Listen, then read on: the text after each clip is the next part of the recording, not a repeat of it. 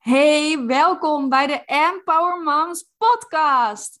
Ik ga in gesprek met Celine Verhoef van zakenmama.nl. En we gaan het hebben over de combinatie tussen werk en moederschap. Want heel veel moeders lopen hier tegenaan. En dit is ook de reden dat zij dit platform heeft opgericht, zakenmama.nl. Zodat moeders weten waar ze allerlei informatie kunnen vinden.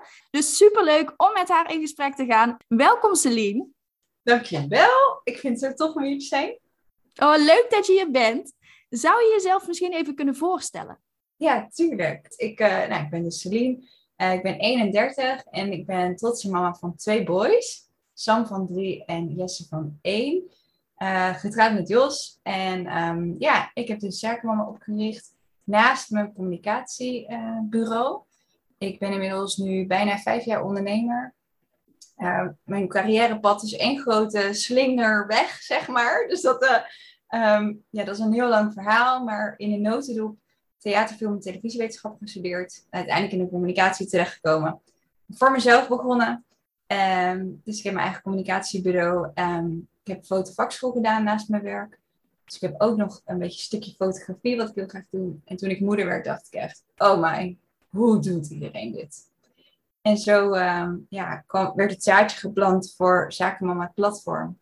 En dat uh, heb ik in maart 2022 heb ik dat gelanceerd. Ja, mooi. Eigenlijk komt dan alles ook samen met zakenmama yeah. van jouw eigen ervaring. En uh, je was al ondernemer natuurlijk. Ja. Het is heel erg mooi dat jij je hierop richt. Ik denk dat heel veel moeders hier behoefte aan hebben, want het is best wel zoeken. Ik ben zelf ook echt zoekende geweest en nog steeds eigenlijk. Het blijft altijd wel een zoektocht naar hoe kun je die fijne balans voor je vinden. Ja. Waar liep jij tegenaan in het moederschap? Um, nou, het, het grappige is dat uh, per kind had ik weer een soort nieuw iets waar ik tegenaan liep. Dus toen voor het eerst moeder werd, um, nou dus toen Sam geboren werd, ja, toen liep ik tegenaan het idee van, oké, wie ben ik nou? Weet je wel, je hebt dan uh, een baby waar je helemaal verliefd op bent en nou, de kraamperiode gehad. En op een gegeven moment ging mijn man weer werken en ik zat thuis en ik dacht echt op een gegeven moment, en ik dan? En het klinkt heel erg, want je bent natuurlijk hartstikke verliefd. En ik was hartstikke blij met de situatie. Maar ik dacht echt, jemig, jouw leven gaat helemaal door. En die van mij staat stil, weet je wel. Uh, dus ik was echt een beetje aan het zoeken van, oké, wie ben ik nu? Uh, weet je wel, de, rol van moeder, de rol van vrouw, vriendin, zus, uh, ondernemer en mezelf. Gewoon even een soort van weer even het puzzeltje een beetje weer in elkaar proberen te vatten. Want er was gewoon een, een stukje bijgekomen. Uh, dus dat had ik heel sterk uh, toen ik moeder werd voor het allereerst. En vorig jaar, toen Jesse erbij kwam, was het meer een soort van planningstechnisch en overwhelmed. Dat je denkt, oké, we hebben er nu een bij. En hoe gaan we dat dan weer doen? Um, weet je zo, ik denk dat dat wel het verschil is. En ik denk dat veel moeders dat ook wel herkennen, hoop ik. Ja, en inderdaad, of het nou je eerste kind is, of het tweede, derde, vierde kind, elke keer is het inderdaad weer een puzzelstukje wat erbij ja. komt. En je bent aan het zoeken van hoe past dat allemaal in elkaar. En je hebt natuurlijk heel veel rollen die je moet vervullen. Jij zei dat net ook al heel mooi. En wat we vaak vergeten is ook die tijd voor onszelf. Want alles zetten ja. we op die eerste plaats. We willen alles heel goed doen in ons werk. En we willen alles um, in het huishouden heel goed doen. En we willen een leuke partner zijn. En een sociaal leven onderhouden. En alles gaat voor. Maar waar blijven wij dan? Het is eigenlijk heel logisch dat heel veel moeders hier tegenaan lopen. Want het is gewoon heel moeilijk om hierin de juiste ja. balans te vinden. Ja, ja, precies ga je weer werken en dan heb je het idee van, uh, en kijk, en ik ben natuurlijk ondernemer, hè, dus ik kon het zelf ook een beetje bepalen. En ik merk, dat is echt zo'n luxe positie, zeker als ik dan uh, vriendinnen hoor die dan in loondienst zitten, weet je wel, dan heb je gewoon, je bent vier maanden uit en je gaat weer aan het werk. En ik kan me voorstellen dat als je in loondienst zit, dat je misschien nog wat meer druk voelt van, oh, ik heb nog een leefbasis, ik moet het gelijk goed doen en ik moet mezelf, ik moet presteren, moet mezelf laten zien. Um, dat had ik ook, maar ik denk wel een stukje minder, omdat ik zelf bepaal wanneer ik werk. En uh, dat is tegelijkertijd ook de valkuil, want met Sam ben ik gewoon echt veel te snel aan het werk gegaan. Dat heb ik bij Jesse wel echt beter gedaan, dat ik echt, echt verlof had. Ik had ook iemand die mijn klussen overnam, dus ik was veel meer uitgerust. Maar bij Sam had ik echt zoiets van, uh, ik wil weer wat doen. En toen ben ik echt achteraf veel te snel weer begonnen. Ik denk met acht of tien weken of zo. Um, en toen dacht ik daarna ook, een paar maanden later realiseerde ik me dat van, oh, maar ik had eigenlijk veel meer moeten genieten van die babytijd, weet je wel. Maar ja, je doet dat en uh, Ja, en dat is altijd achteraf dan, hè? Sowieso, de babytijd gaat ook heel snel. Eigenlijk aan alle fases heel snel voorbij. En dan is het fijn als je dat bewust beleeft. Van alles wat we meemaken leren we. Want ik hoor je net zeggen van uh, bij, de, bij de tweede heb ik het anders aangepakt. Waarschijnlijk door de ervaring die je ook had. Ja, en, ja ik heb dat zelf ook. Ja, dus we, ja, ja, ik heb zelf bij de eerste ehm, ook heel weinig verlof genomen. Omdat ik dacht van, oh, mijn bedrijf moet wel door blijven gaan. En uh, ja, weet je, als ik heel lang niet zichtbaar ben, wat doet dat dan met mijn bedrijf? En je, je voelt dan toch die druk om daadwerkelijk te gaan starten weer. En bij de tweede dacht ik echt van, weet je, eh, mijn gezin is gewoon het allerbelangrijkste. Dat staat op de eerste plek. Dus ik moet mijn gezin wel prioriteit geven en de rest komt daarna wel. Dus ja, dat, dat voelde ook heel anders of zo. Heel, ja, kon ik er meer van genieten.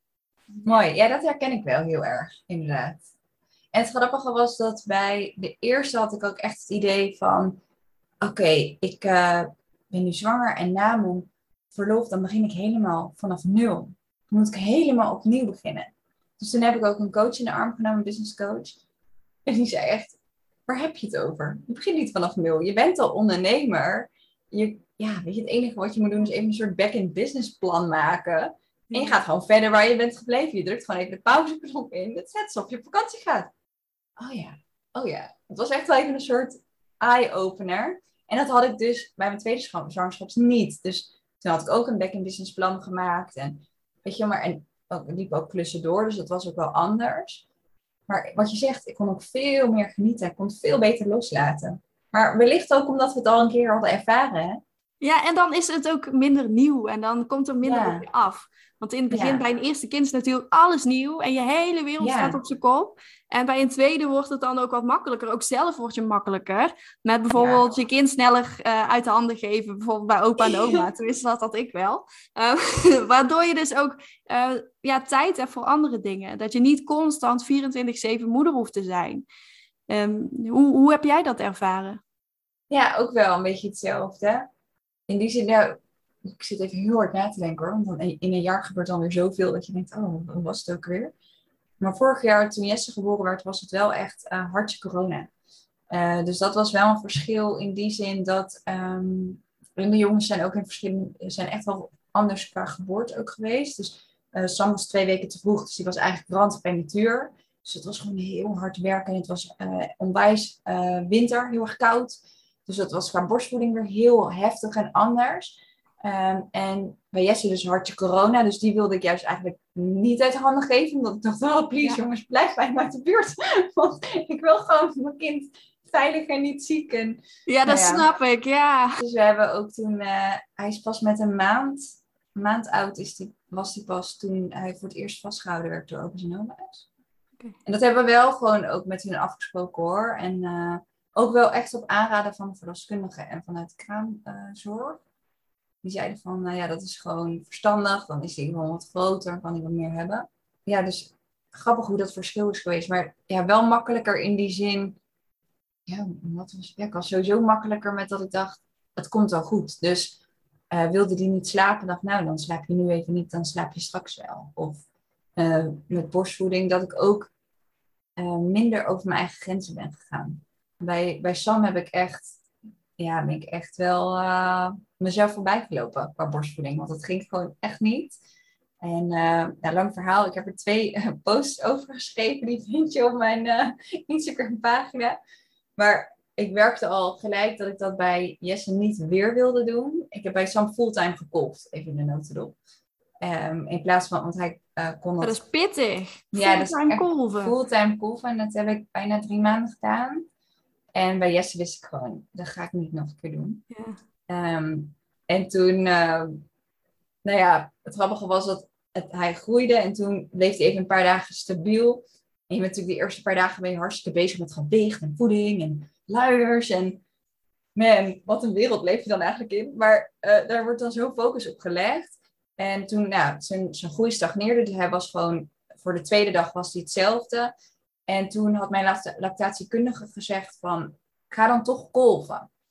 Dus ik zei, oké, ja, ik pakte die kolf erbij en ik in tranen echt aan die kolf. Mijn man zei, maar jij wilde dit toch niet doen? En ook de kraamhulp zei, maar inderdaad, je hebt mij het verhaal verteld. Was een andere kraamhulp. Zij hebben me het verhaal verteld, niet voor niks. we kunnen ook gewoon even zorgen op een andere manier. Dat, die, weet je wel, dat we hem goed warm houden. En dat we, uh, kijk, we hebben, wat hebben we gedaan? Goed warm houden. Ik ben heel veel vette dingen gaan eten. Dus ik heb echt, mijn eigen voeding heb ik geupgrade, zeg maar. En jawel, de volgende dag was die aangekomen. Echt waar. Dus ik ben zo blij dat zij allebei mij zo ontzettend gesport hebben daarin. Ehm, en uiteindelijk heb ik dus een heel succesvol borstvoedingsverhaal nu bij de tweede, zonder dat ik mezelf helemaal voorbij ben gelopen. Uiteindelijk heb ik hem trouwens ook een aantal maanden op één borst gevoed. Echt? En ik wist echt niet dat dit kon, maar ik had dit dus tijdens mijn zwangerschap gelezen weer bij een andere vrouw online. Lang leven de online community en dat iedereen zo open is. Ja. Want daardoor wist ik toen zeg maar mijn, mijn rechterborst lekker, lekker intimate verhaal dit trouwens gelijk. We zijn al gaan goed van start. Ja, we zijn meteen er diep ingegaan inderdaad. We zijn diep ingegaan. mijn, mijn rechterborst die gaf minder melk. En uh, uh, op een gegeven moment, ik weet niet, ik merkte het gewoon aan hoe die dronk. En uiteindelijk heb ik hem dus uh, alleen maar op links gevoed. een aantal maanden. En dat kan gewoon. Je lichaam kan dat. Dat is bizar. Ja, fantastisch toch? Ja. Heel mooi. En wat goed dat je jouw mooie borstvoedingsavontuur dan toch hebt uh, gekregen. Want ja, na Ja. de eerste keer, ja, ik kan me voorstellen dat je dan ook zoiets hebt van, oh, dat je heel erg tegen die borstvoeding op gaat zien. Ook van, oh, als het dan maar wel lukt. En, ja. en dat er dan ook heel veel druk komt en heel veel stress eh, komt eigenlijk. Het is mooi dat je dat zegt, want dat heb ik wel, toen ik net zwanger was, ging ik daar natuurlijk gelijk weer over nadenken, omdat alles, al die herinneringen komen allemaal weer boven. Ehm, en toen ben ik er ook gewoon over gaan praten met mijn man en met de lactatiekundige, want die heb ik ook gelijk ingeschakeld. En toen heb ik, had ik wel zoiets van, maar ik wil dat niet nog een keer.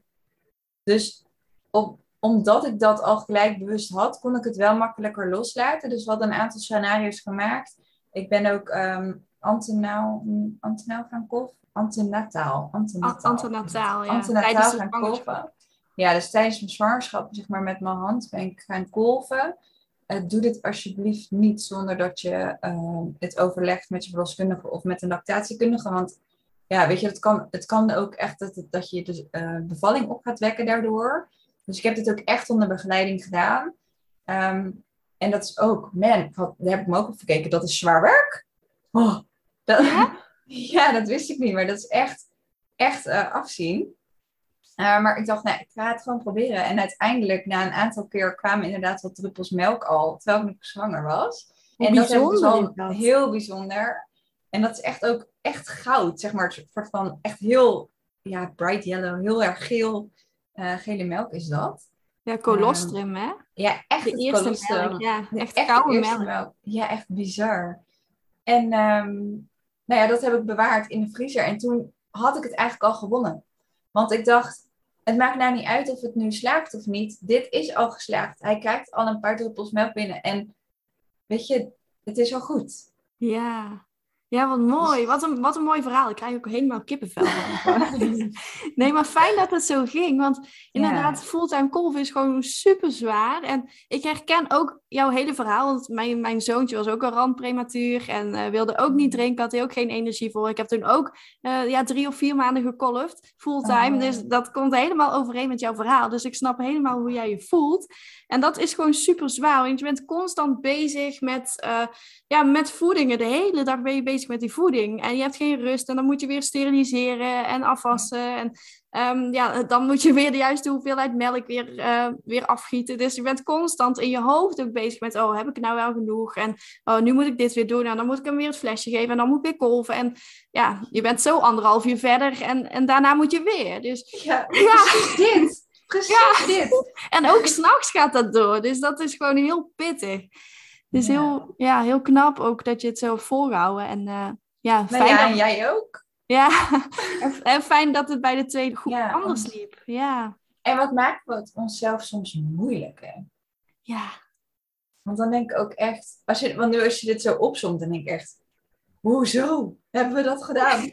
Hoezo? Precies dat. Vol met hormonen en, en je wil dat graag. En dan ga je echt honderdduizend keer over je grenzen heen. Ik wil trouwens nog wel even zeggen, want we hebben het nu flink over borstvoeding, maar vet is best sowieso. Of je nu borstvoeding geeft of flesvoeding, dat maakt het allebei niet uit. Als je kindje maar liefde krijgt, dan uh, weet je wel, dat is het allerbelangrijkst. Maar ja, inderdaad, wat maken we het onszelf soms moeilijk? Ja, dat we per se daaraan vast willen houden. En ja, Ja. waarom geven we niet gewoon een flesje? Bijvoorbeeld, ja.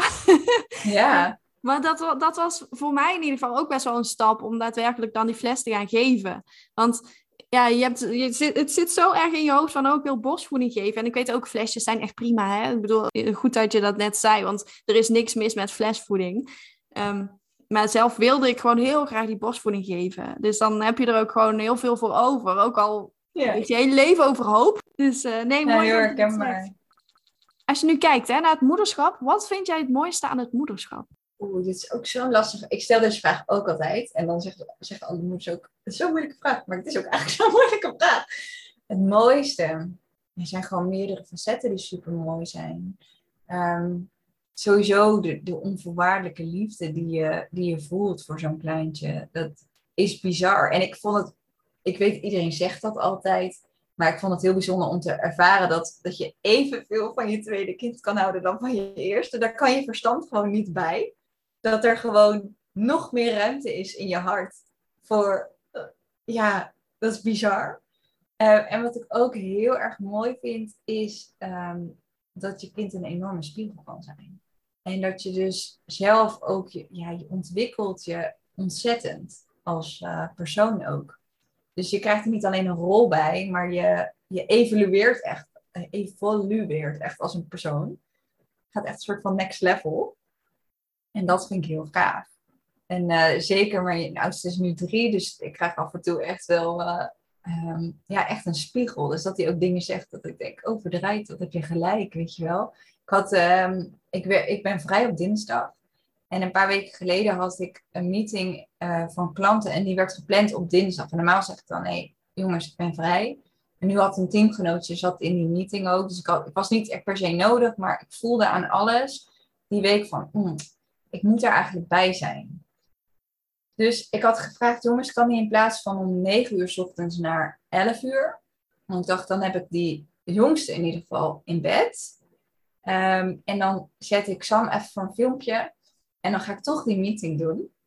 En ik had het met Sam afgestemd en hij vond het hartstikke leuk. Want hij moet het filmpje kijken en dat mag eigenlijk nooit 's ochtends. Dus eh, die was helemaal in zijn sas. Ik die meeting doen en ik klapte mijn laptop dicht. Het filmpje ging uit na die meeting. En eh, toen dacht ik me, oh, maar ik had beloofd dat ik nog één mailtje zou sturen. Dus ik klap mijn laptop weer open. En zei hij, mama, je hebt nou wel genoeg gewerkt voor vandaag. Het is toch mamadag, zegt hij zo.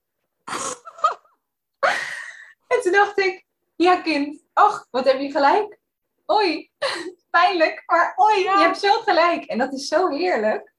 En ik ben zo blij dat hij dat dan gewoon ook zegt.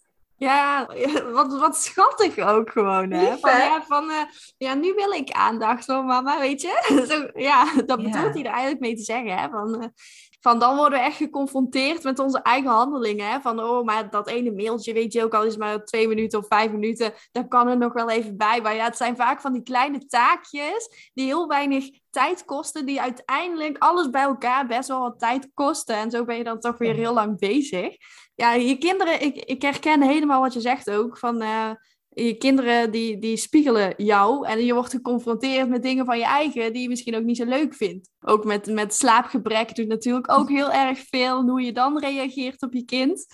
Dat, oh eh, my, ja, ja. slaapgebrek. Nee, maar ook, en wat je zegt, je ziet het gedrag van jezelf terug. Dus je hoort ook bepaalde zinnen die jij misschien vaak zegt. Die geeft je peuter ook weer terug. Dat je denkt, oh ja, hm, misschien moet ik dat anders voor de volgende keer. Of ja, ik weet niet, bepaalde...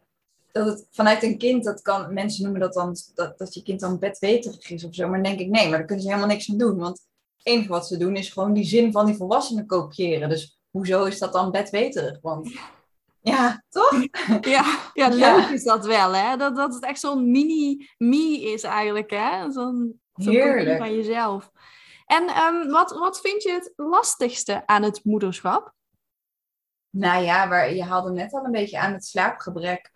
Eh, wij boefden heel erg met Sam, want die sliep met drie maanden door. Ehm, dus ja, die eerste start was super heftig. Maar daarna hadden we gewoon wel, weet je wel, best wel wat ritme. De avonden vond hij dan wel weer moeilijk. Dan was hij bij ons, maar als hij eenmaal sliep, dan sliep hij ook.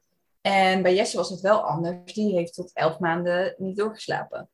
En wij dus ook niet. En als je dan ehm, nog, ook nog moet werken en gewoon zinnige dingen moet zeggen soms. dat, ja, weet je, als je zo weinig slaapt, dan. Ehm, en nou moet ik zeggen, het kan altijd erger. Want ik heb ook uh, iemand geïnterviewd die echt, die sliep zo weinig. Dat ze echt, uh, nou, dat was echt niet te doen. Die sliep echt 20 minuten per nacht of zo. 20 minuten? Ja, ja, dat is echt niet te doen. Dat is wel echt, wow, dat is wel heel extreem. Dat hou je ook echt niet vol. Nee, dat hou je ook echt niet vol. Dus nee. op een gegeven moment, uh, ja, moesten daar ook gewoon uh, ja, echt maatregelen genomen worden. Omdat ze werd letterlijk helemaal gek. Ja. En dat slaap is zo belangrijk. Je hebt het gewoon echt nodig om, uh, om je lichaam rust te geven, om je, om je hersenen rust te geven. En anders dan gaat hij gewoon op tilt. Dus is net alsof je je computer te lang gebruikt, zeg maar en oververhit raakt, dan uh, gaat hij ook op tilt. En zo is het met jezelf ook. Ja. ja, en vaak staan we daar ook niet bij stil bij wat slaapgebrek met je kan doen. Want als je geen kinderen hebt, ja, dan haal je misschien wel eens een nachtje door als je op stap gaat of zo. En dan denken we, oh, we kunnen daar makkelijk tegen. Maar het is gewoon niet te vergelijken met als je wekenlang, maandenlang slecht slaapt, wat dat voor effect heeft op je lijf en, en ook op je gemoedstoestand. Want je wordt gewoon een heel ander persoon als je, als je slecht slaapt. Ja, je krijgt een korter lontje en, en mhm. je, je bent geïrriteerd en uh, ja, je hebt gewoon minder energie om dingen te doen. En je kunt je jezelf minder goed toe aanzetten. Dus het heeft superveel effect op allerlei gebieden. En hoeveel, hoeveel uur sliep jij dan per nacht? Oh, je hebt wel veel meer dan 20 minuten. wij, werden, wij werden denk ik uh, twee, drie keer op een nacht wakker. En dan, uh, het verschilde dan per keer of we dan met een speentje wegkwamen of dat je echt nog een voeding moest doen. En dat werd gelukkig wel steeds minder. Um, en ik ben echt zo blij dat we nu inmiddels gewoon nachten doorslapen. Heel fijn. echt heel fijn. En dat maakt echt een wereld van verschil. Ja, en um, want je gaf er straks al aan, hè, van, van die combinatie tussen uh, werk en moederschap. Dat, dat is best wel een dingetje. Daar ben je zelf ook naar op zoek geweest. Dan hoe kun je dat het beste doen? Waar liep jij tegenaan tussen die combinatie? Ja, ik denk al, gewoon al die ballen hoog willen houden. En alles goed willen doen op alle fronten. En vooral dat je dan om je heen, voor je gevoel, iedereen het ziet rocken. Dat je denkt, ja, maar ik sta hier een beetje te klooien, terwijl iedereen het helemaal voor elkaar heeft. Terwijl als je dan gewoon het gesprek aangaat en het met anderen bespreekt, dan zeggen ze ook, nee joh, ik loop ook hartstikke te klooien. Of, uh, nee joh, weet je wel, uh, dit doe ik misschien uh, goed, maar de helft van de ballen die ik hoog hou, die liggen op dit moment gewoon permanent op de grond. En dat mag ook, hè? Dan, ja, er is niks mis mee. Precies dat. Maar als we de, ik denk dat het heel belangrijk is, dat stukje openheid naar elkaar toe. En, en die behoefte had ik heel erg. Toen ik eenmaal dat gesprek aanging met andere moeders, uh, merkte ik van, oh, maar als we hier met z'n allen een stukje opener over zijn, dan hoeven we die lat niet zo hoog te leggen. En dan maken we het gewoon een stukje relaxter. Ja, vooral dat we het kunnen delen met elkaar. Want voordat je werkdag start, heb je er eigenlijk al een hele dag op zitten met de kinderen. Ja, dat wordt vaak ook onderschat door mensen die geen kinderen hebben. Die hebben geen idee. Die stappen uit bed en beginnen uh, op hun werk. Maar zelf heb je natuurlijk al, ja, je kinderen zijn vroeg wakker, misschien om zes of zeven uur. En voordat je aan het werk gaat, ja, je hebt gewoon al superveel gedaan. Dus eigenlijk kom je al een soort van uitgeput op je werk aan. Terwijl de dag nog moet beginnen. Ja. Precies dat. En zeker als je dan bijvoorbeeld een huilend kind op de opvang achterlaat. Want je hebt zo'n zo'n fase, Jesse zit er nu in. Die heeft echt een beetje een soort verlatingsangst. En die gaat gewoon huilen als we weggaan bij de opvang. En ik heb er regelmatig, en vooral bij Sam had ik dat heel sterk. Want ik kan het nu iets beter loslaten, want ze zijn met z'n tweeën. En ik weet, het komt goed, het is een fase. Maar dat ik gewoon huilend wegreed van de opvang. Dat ik echt dacht, waarom doe ik dit? Waarom doe ik mijn kind dit aan? Terwijl je weet, twee seconden later, weet je wel, rationeel weet je dat, maar ja, je laat een huilend kind achter en dat is wat je ziet. Maar twee seconden later zijn ze het echt alweer vergeten en zijn ze gewoon aan het spelen. Maar dat vond ik heel zwaar, dat je dan, ehm, dat je dan inderdaad gewoon met die emotie ga je je werkdag in. En dan moet je echt die knop omzetten van oké, en nu werken. Maar dat is, ja, dat vind ik wel pittig hoor. Ja, maar dat is ook heel pittig. Want als je kind huilt, hè, je bent geneigd om je kind te troosten. En je wilt dan vooral niet weggaan, want het voelt zo onnatuurlijk aan. Dus dat, dat doet heel veel met je als je kind zo verdrietig is. En als je dan weg moet, ja, dat voelt niet fijn. Dus Ja, maar die knop omzetten is ook vaak niet heel makkelijk, hè? Want Nee, je blijft er nee. toch, mee, toch mee bezig. Ja, je blijft er toch mee bezig. Ja. Ja, Hoe ik dat doe. Ja, Ja, dat is echt oefening baart kunst. Echt, ja. En, en herhalen, het is een fase, het is een fase, het is een fase. Wat me nu de laatste tijd ook heel erg helpt, is ehm, de app Headspace. Eh, no spon trouwens. Maar het is gewoon echt mijn manier om, eh, om even mijn hoofd leeg te maken. Headspace is een meditatie-app eh, in het Engels. Je hebt er ook een van VGZ in het Nederlands. Ik vond die persoonlijk wat minder fijn. Ik weet niet, op een of andere manier kan ik Headspace beter hebben. Dat werkt voor mij gewoon heel fijn. Ehm, en die helpt je dan gewoon even adem te halen. Om even, zeg maar, die reset-knop in te zetten. Of in te drukken. Dat je even gewoon en je dag begint. ja. Ja, goede tip. Echt even je hoofd leegmaken. Dat. Ja. Even, echt even ademhalen. En eh probeer het los te laten. En dan, vaak als we gewoon maar doorakkeren, dan, ehm, dan gaan, stapelen al die emoties zich op en nemen het allemaal mee. En dan eh, loopt dat emmertje over, zeg maar. Maar als je even een momentje neemt om even dat emmertje leeg te kiepen, dan begin je natuurlijk weer gewoon vanaf nul. Ja, ja, slim. Zodat je gewoon weer opgeladen aan het werk kunt gaan eigenlijk. En de rest van thuis even achter je kunt laten. Ja, en nou klinkt het heel simpel, hè? alsof ik alles onder controle heb, maar don't be fooled. Ja, maar dat is het moederschap. Hè? Het kan niet perfect zijn. En de, de ene dag lukt het wel en de andere dag niet. En dat is allemaal oké. Dat hoort erbij. Dat. En ik denk dat dat ook echt de, de crux is. Om het jezelf makkelijker te maken om gewoon de relaxer in te staan. Ja. En, en wat is de hoofdreden dat je zakenmama bent gestart? Nou, de- ja, dit, het openheid met elkaar. En eh, dat ik merkte van zoveel vrouwen lopen hier tegenaan. Dus in eerste instantie dat. Van laten we met z'n allen het er meer over hebben. Ehm, en laten we elkaar inspireren met onze verhalen. Want wat ik heel tof vind, is dat ik eh, vanuit Zakenmama mag ik allemaal moeders interviewen die ehm, of een eigen onderneming hebben of werken in loondienst. Want Zakenmama staat niet per se voor moeders die ondernemen, maar staat echt voor de werkende moeder. Ehm, nou en dan interview ik die, die vrouwen over hoe ze het allemaal combineren. Dus, oh my gosh, hoe doe je dit allemaal? Maar ook over hun carrière-reis. Want stiekem vind ik dat bijster fascinerend. Hoe kom jij van A naar B? En hoe ziet jouw reis eruit? Want heel vaak denken we ook daarin dat het allemaal lineair gaat. Weet je wel? Maar dat hoeft eigenlijk helemaal niet zo te zijn. Het kan, net als bij mij, ik heb theater, film en televisiewetenschap gestudeerd. En ik heb een eigen communicatiebureau en een eigen platform. Ja, weet je, dat, het is een onwijze kronkelroute geweest. En uh, ja, daarin is altijd de key, volg je hart en doe wat je leuk vindt. En dat merk ik bij andere uh, vrouwen ook. Dat zij heel erg hun hart hebben gevolgd. Dus dat stukje, dat was echt primair waarom ik begonnen ben met zakenmama. Um, en dat is een beetje uit de hand gelopen, eerlijk gezegd. Want ik vond het zo leuk en ik merkte zo dat, dat mensen behoefte hadden aan die verhalen. Dat er dus een heel platform uh, um, uit is gegroeid. Dus het zijn niet alleen nog maar de, de interviews, maar nu heb ik ook een team die me helpt met artikelen schrijven. Dus het is echt een hele website met allemaal artikelen over werk en moederschap. En ook over jezelf. Dus we hebben de drie kopjes. Zakenmama, dat gaat over alles met werk. Mama Zaken gaat over alles met uh, moederschap. En voor jou, dat gaat echt over uh, je lichaam of over um, tijd voor jezelf nemen, sporten, uh, dat soort dingen.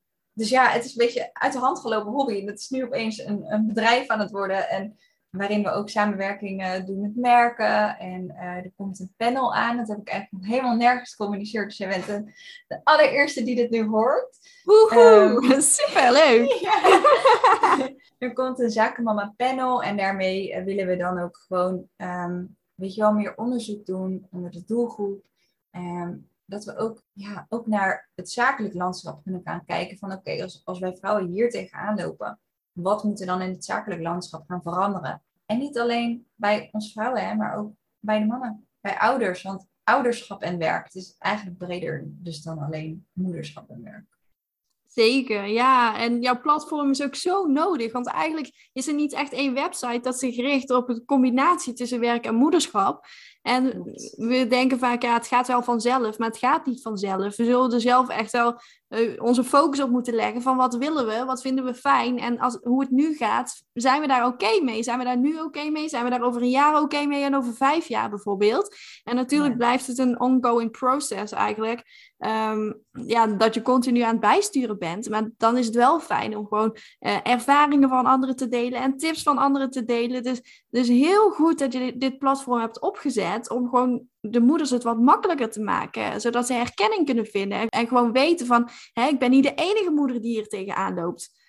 En dat ze durven te delen, ook vooral met, met vriendinnen en met uh, ieder ander die er tegenaan loopt. Want, want, dat. Ja, want jij zei ook al zo mooi van, we vinden dat heel moeilijk om te delen. Maar ja, probeer, probeer het wel gewoon te delen. Want het is zo fijn om, om uh, te weten hoe iemand anders dit doet. Ja, precies. En kijk, soms zit er ook een stukje schaamte bij, hè? dat je het gevoel hebt van, oké, de ander die heeft het dus helemaal voor elkaar en ik, uh, weet je, mijn huis is een rotzooi en uh, ja, ik heb inderdaad wel mijn werk, maar eigenlijk ben ik op alle uh, vlakken voor je gevoel ben je een zesje aan het scoren, terwijl dat is ook oké, hè? Hallo, dat is ruim een voldoende. En ja, als je het dan met vriendinnen erover hebt, dan zul je zien dat die het ook gewoon niet op alle vlakken helemaal perfect hebben geregeld. En dat dat hartstikke oké is. Oh, sorry, ik stoot bijna mijn glas op. Het gaat net goed. maar uh, ja, dat is ook het uh, niet perfect hè, hier. Ik gooi bijna mijn glasje. Maar dat inderdaad. En, en daarnaast heb je natuurlijk ook nog eens te maken met je lichaam die veranderd is. Weet je, je bent gewoon een zwangerschap en een kind op de wereld zetten. Dat brengt gewoon zoveel met zich mee. En laten we het daar ook gewoon nog meer over hebben. En over de kwalen die het met zich mee kan brengen. En want ja, we denken vaak, hè, je bent zwanger en dan zet je een kind op de wereld en that's it. Maar vanaf dat moment begint het eigenlijk gewoon. Heel veel moeders die vallen dan in een soort van gat, omdat ze niet weten van hoe, hoe het allemaal moet. Dus je kunt je voorbereiden op een bevalling en een zwangerschap word je ook doorheen begeleid. Maar als je moeder bent, hè, de eerste zes weken kun je nog terecht bij de verloskundige. Maar daarna sta je er eigenlijk helemaal alleen voor. Dus bij wie kun je terecht met vragen, met adviezen, met tips? ik ben er echt voorstander van om dit gewoon meer bespreekbaar te maken. En uh, heel fijn dat jij dit doet, onder andere. En um, ja, super. En als jij de moeders een tip zou mogen geven, hè, van de nummer één tip voor moeders die worstelen met de combinatie werk en moederschap, wat zou je ze dan mee willen geven? Leg die lat wat lager. Weet je wel? En pak ook echt momenten voor jezelf om op te laden. Dus dat is echt, uh, die me-time is zo belangrijk. En voel je daar totaal niet schuldig over. Want uh, ja, wees zeg maar de computer die je af en toe even uit moet zetten. Zeker, want we kunnen niet altijd alleen maar aanstaan. Nee. We hebben, we hebben die momenten nodig. En het is ook, ja, en het is ook heel mooi dat je zegt van leg die lat wat lager. Want heel veel moeders denken ook van, oh, we moeten onszelf um, ja, overdeliveren eigenlijk. Hè? Of 110, 120 procent op al die gebieden. En ik zeg ook altijd van, nou, 80% is prachtig, 80 is prachtig. Het is helemaal goed. En wat voor de een 80% is, is voor de ander misschien 110%. Dus die heeft dat vaak ook niet in de gaten, dat die lat net iets lager ligt. Maar op die manier kun je het wel volhouden. En het hoeft allemaal niet perfect te zijn. Er komt er iemand op visite, boeien dat het huis een rommel is. Ja, in ons hoofd wordt dat gewoon een heel ding. Maar je hebt kinderen, het hoort er gewoon bij. Dus uh, een hele goede tip. Waar kunnen ouders jou allemaal vinden? Ja, goeie. Uh, www.zakenmama.nl uh, en natuurlijk op Instagram zakenmama.nl. En wil je ons helpen groeien, doe alsjeblieft lekker volgen en abonneren ook op YouTube. En het leuke is, um, ja, het leuke is, ik vind dat zelf heel leuk. Je vindt de korte interviews op YouTube en dan kan je dus echt meekijken met beeld. En de lange interviews vind je hier op Spotify. Dus um, je kunt kijken en luisteren en uh, doe lekker inspiratie op op de manier waarop jij het leuk vindt. Ja, leuk. Mooi. Mooi ook dat er verschillende platformen zijn en filmpjes en audio en blogs. Dus voor iedereen is er wat te vinden. Dus ga ook zeker een kijkje nemen op zakenmama.nl en eh, luister vooral ook eh, de podcast en bekijk de interviews, want het is zeker de moeite waard. Dankjewel Celine dat je hier nou, te gast wilde zijn. En jij eh, bedankt Maaike, echt zo leuk. En bedankt voor je openhartigheid, want we zijn inderdaad vrij snel de diepte ingegaan. En, ja. Uh, ja, maar ik denk dat het een super waardevol interview uh, is geworden, ook voor de moeders die worstelen met die combinatie werk en moederschap. Jullie ook allemaal bedankt voor het luisteren naar deze podcast. En wil je nou meer weten over mij of over Empower Moms? Ga dan naar empowermoms.nl of je kunt me vinden op Facebook of Instagram, Empower Moms NL. Tot de volgende keer.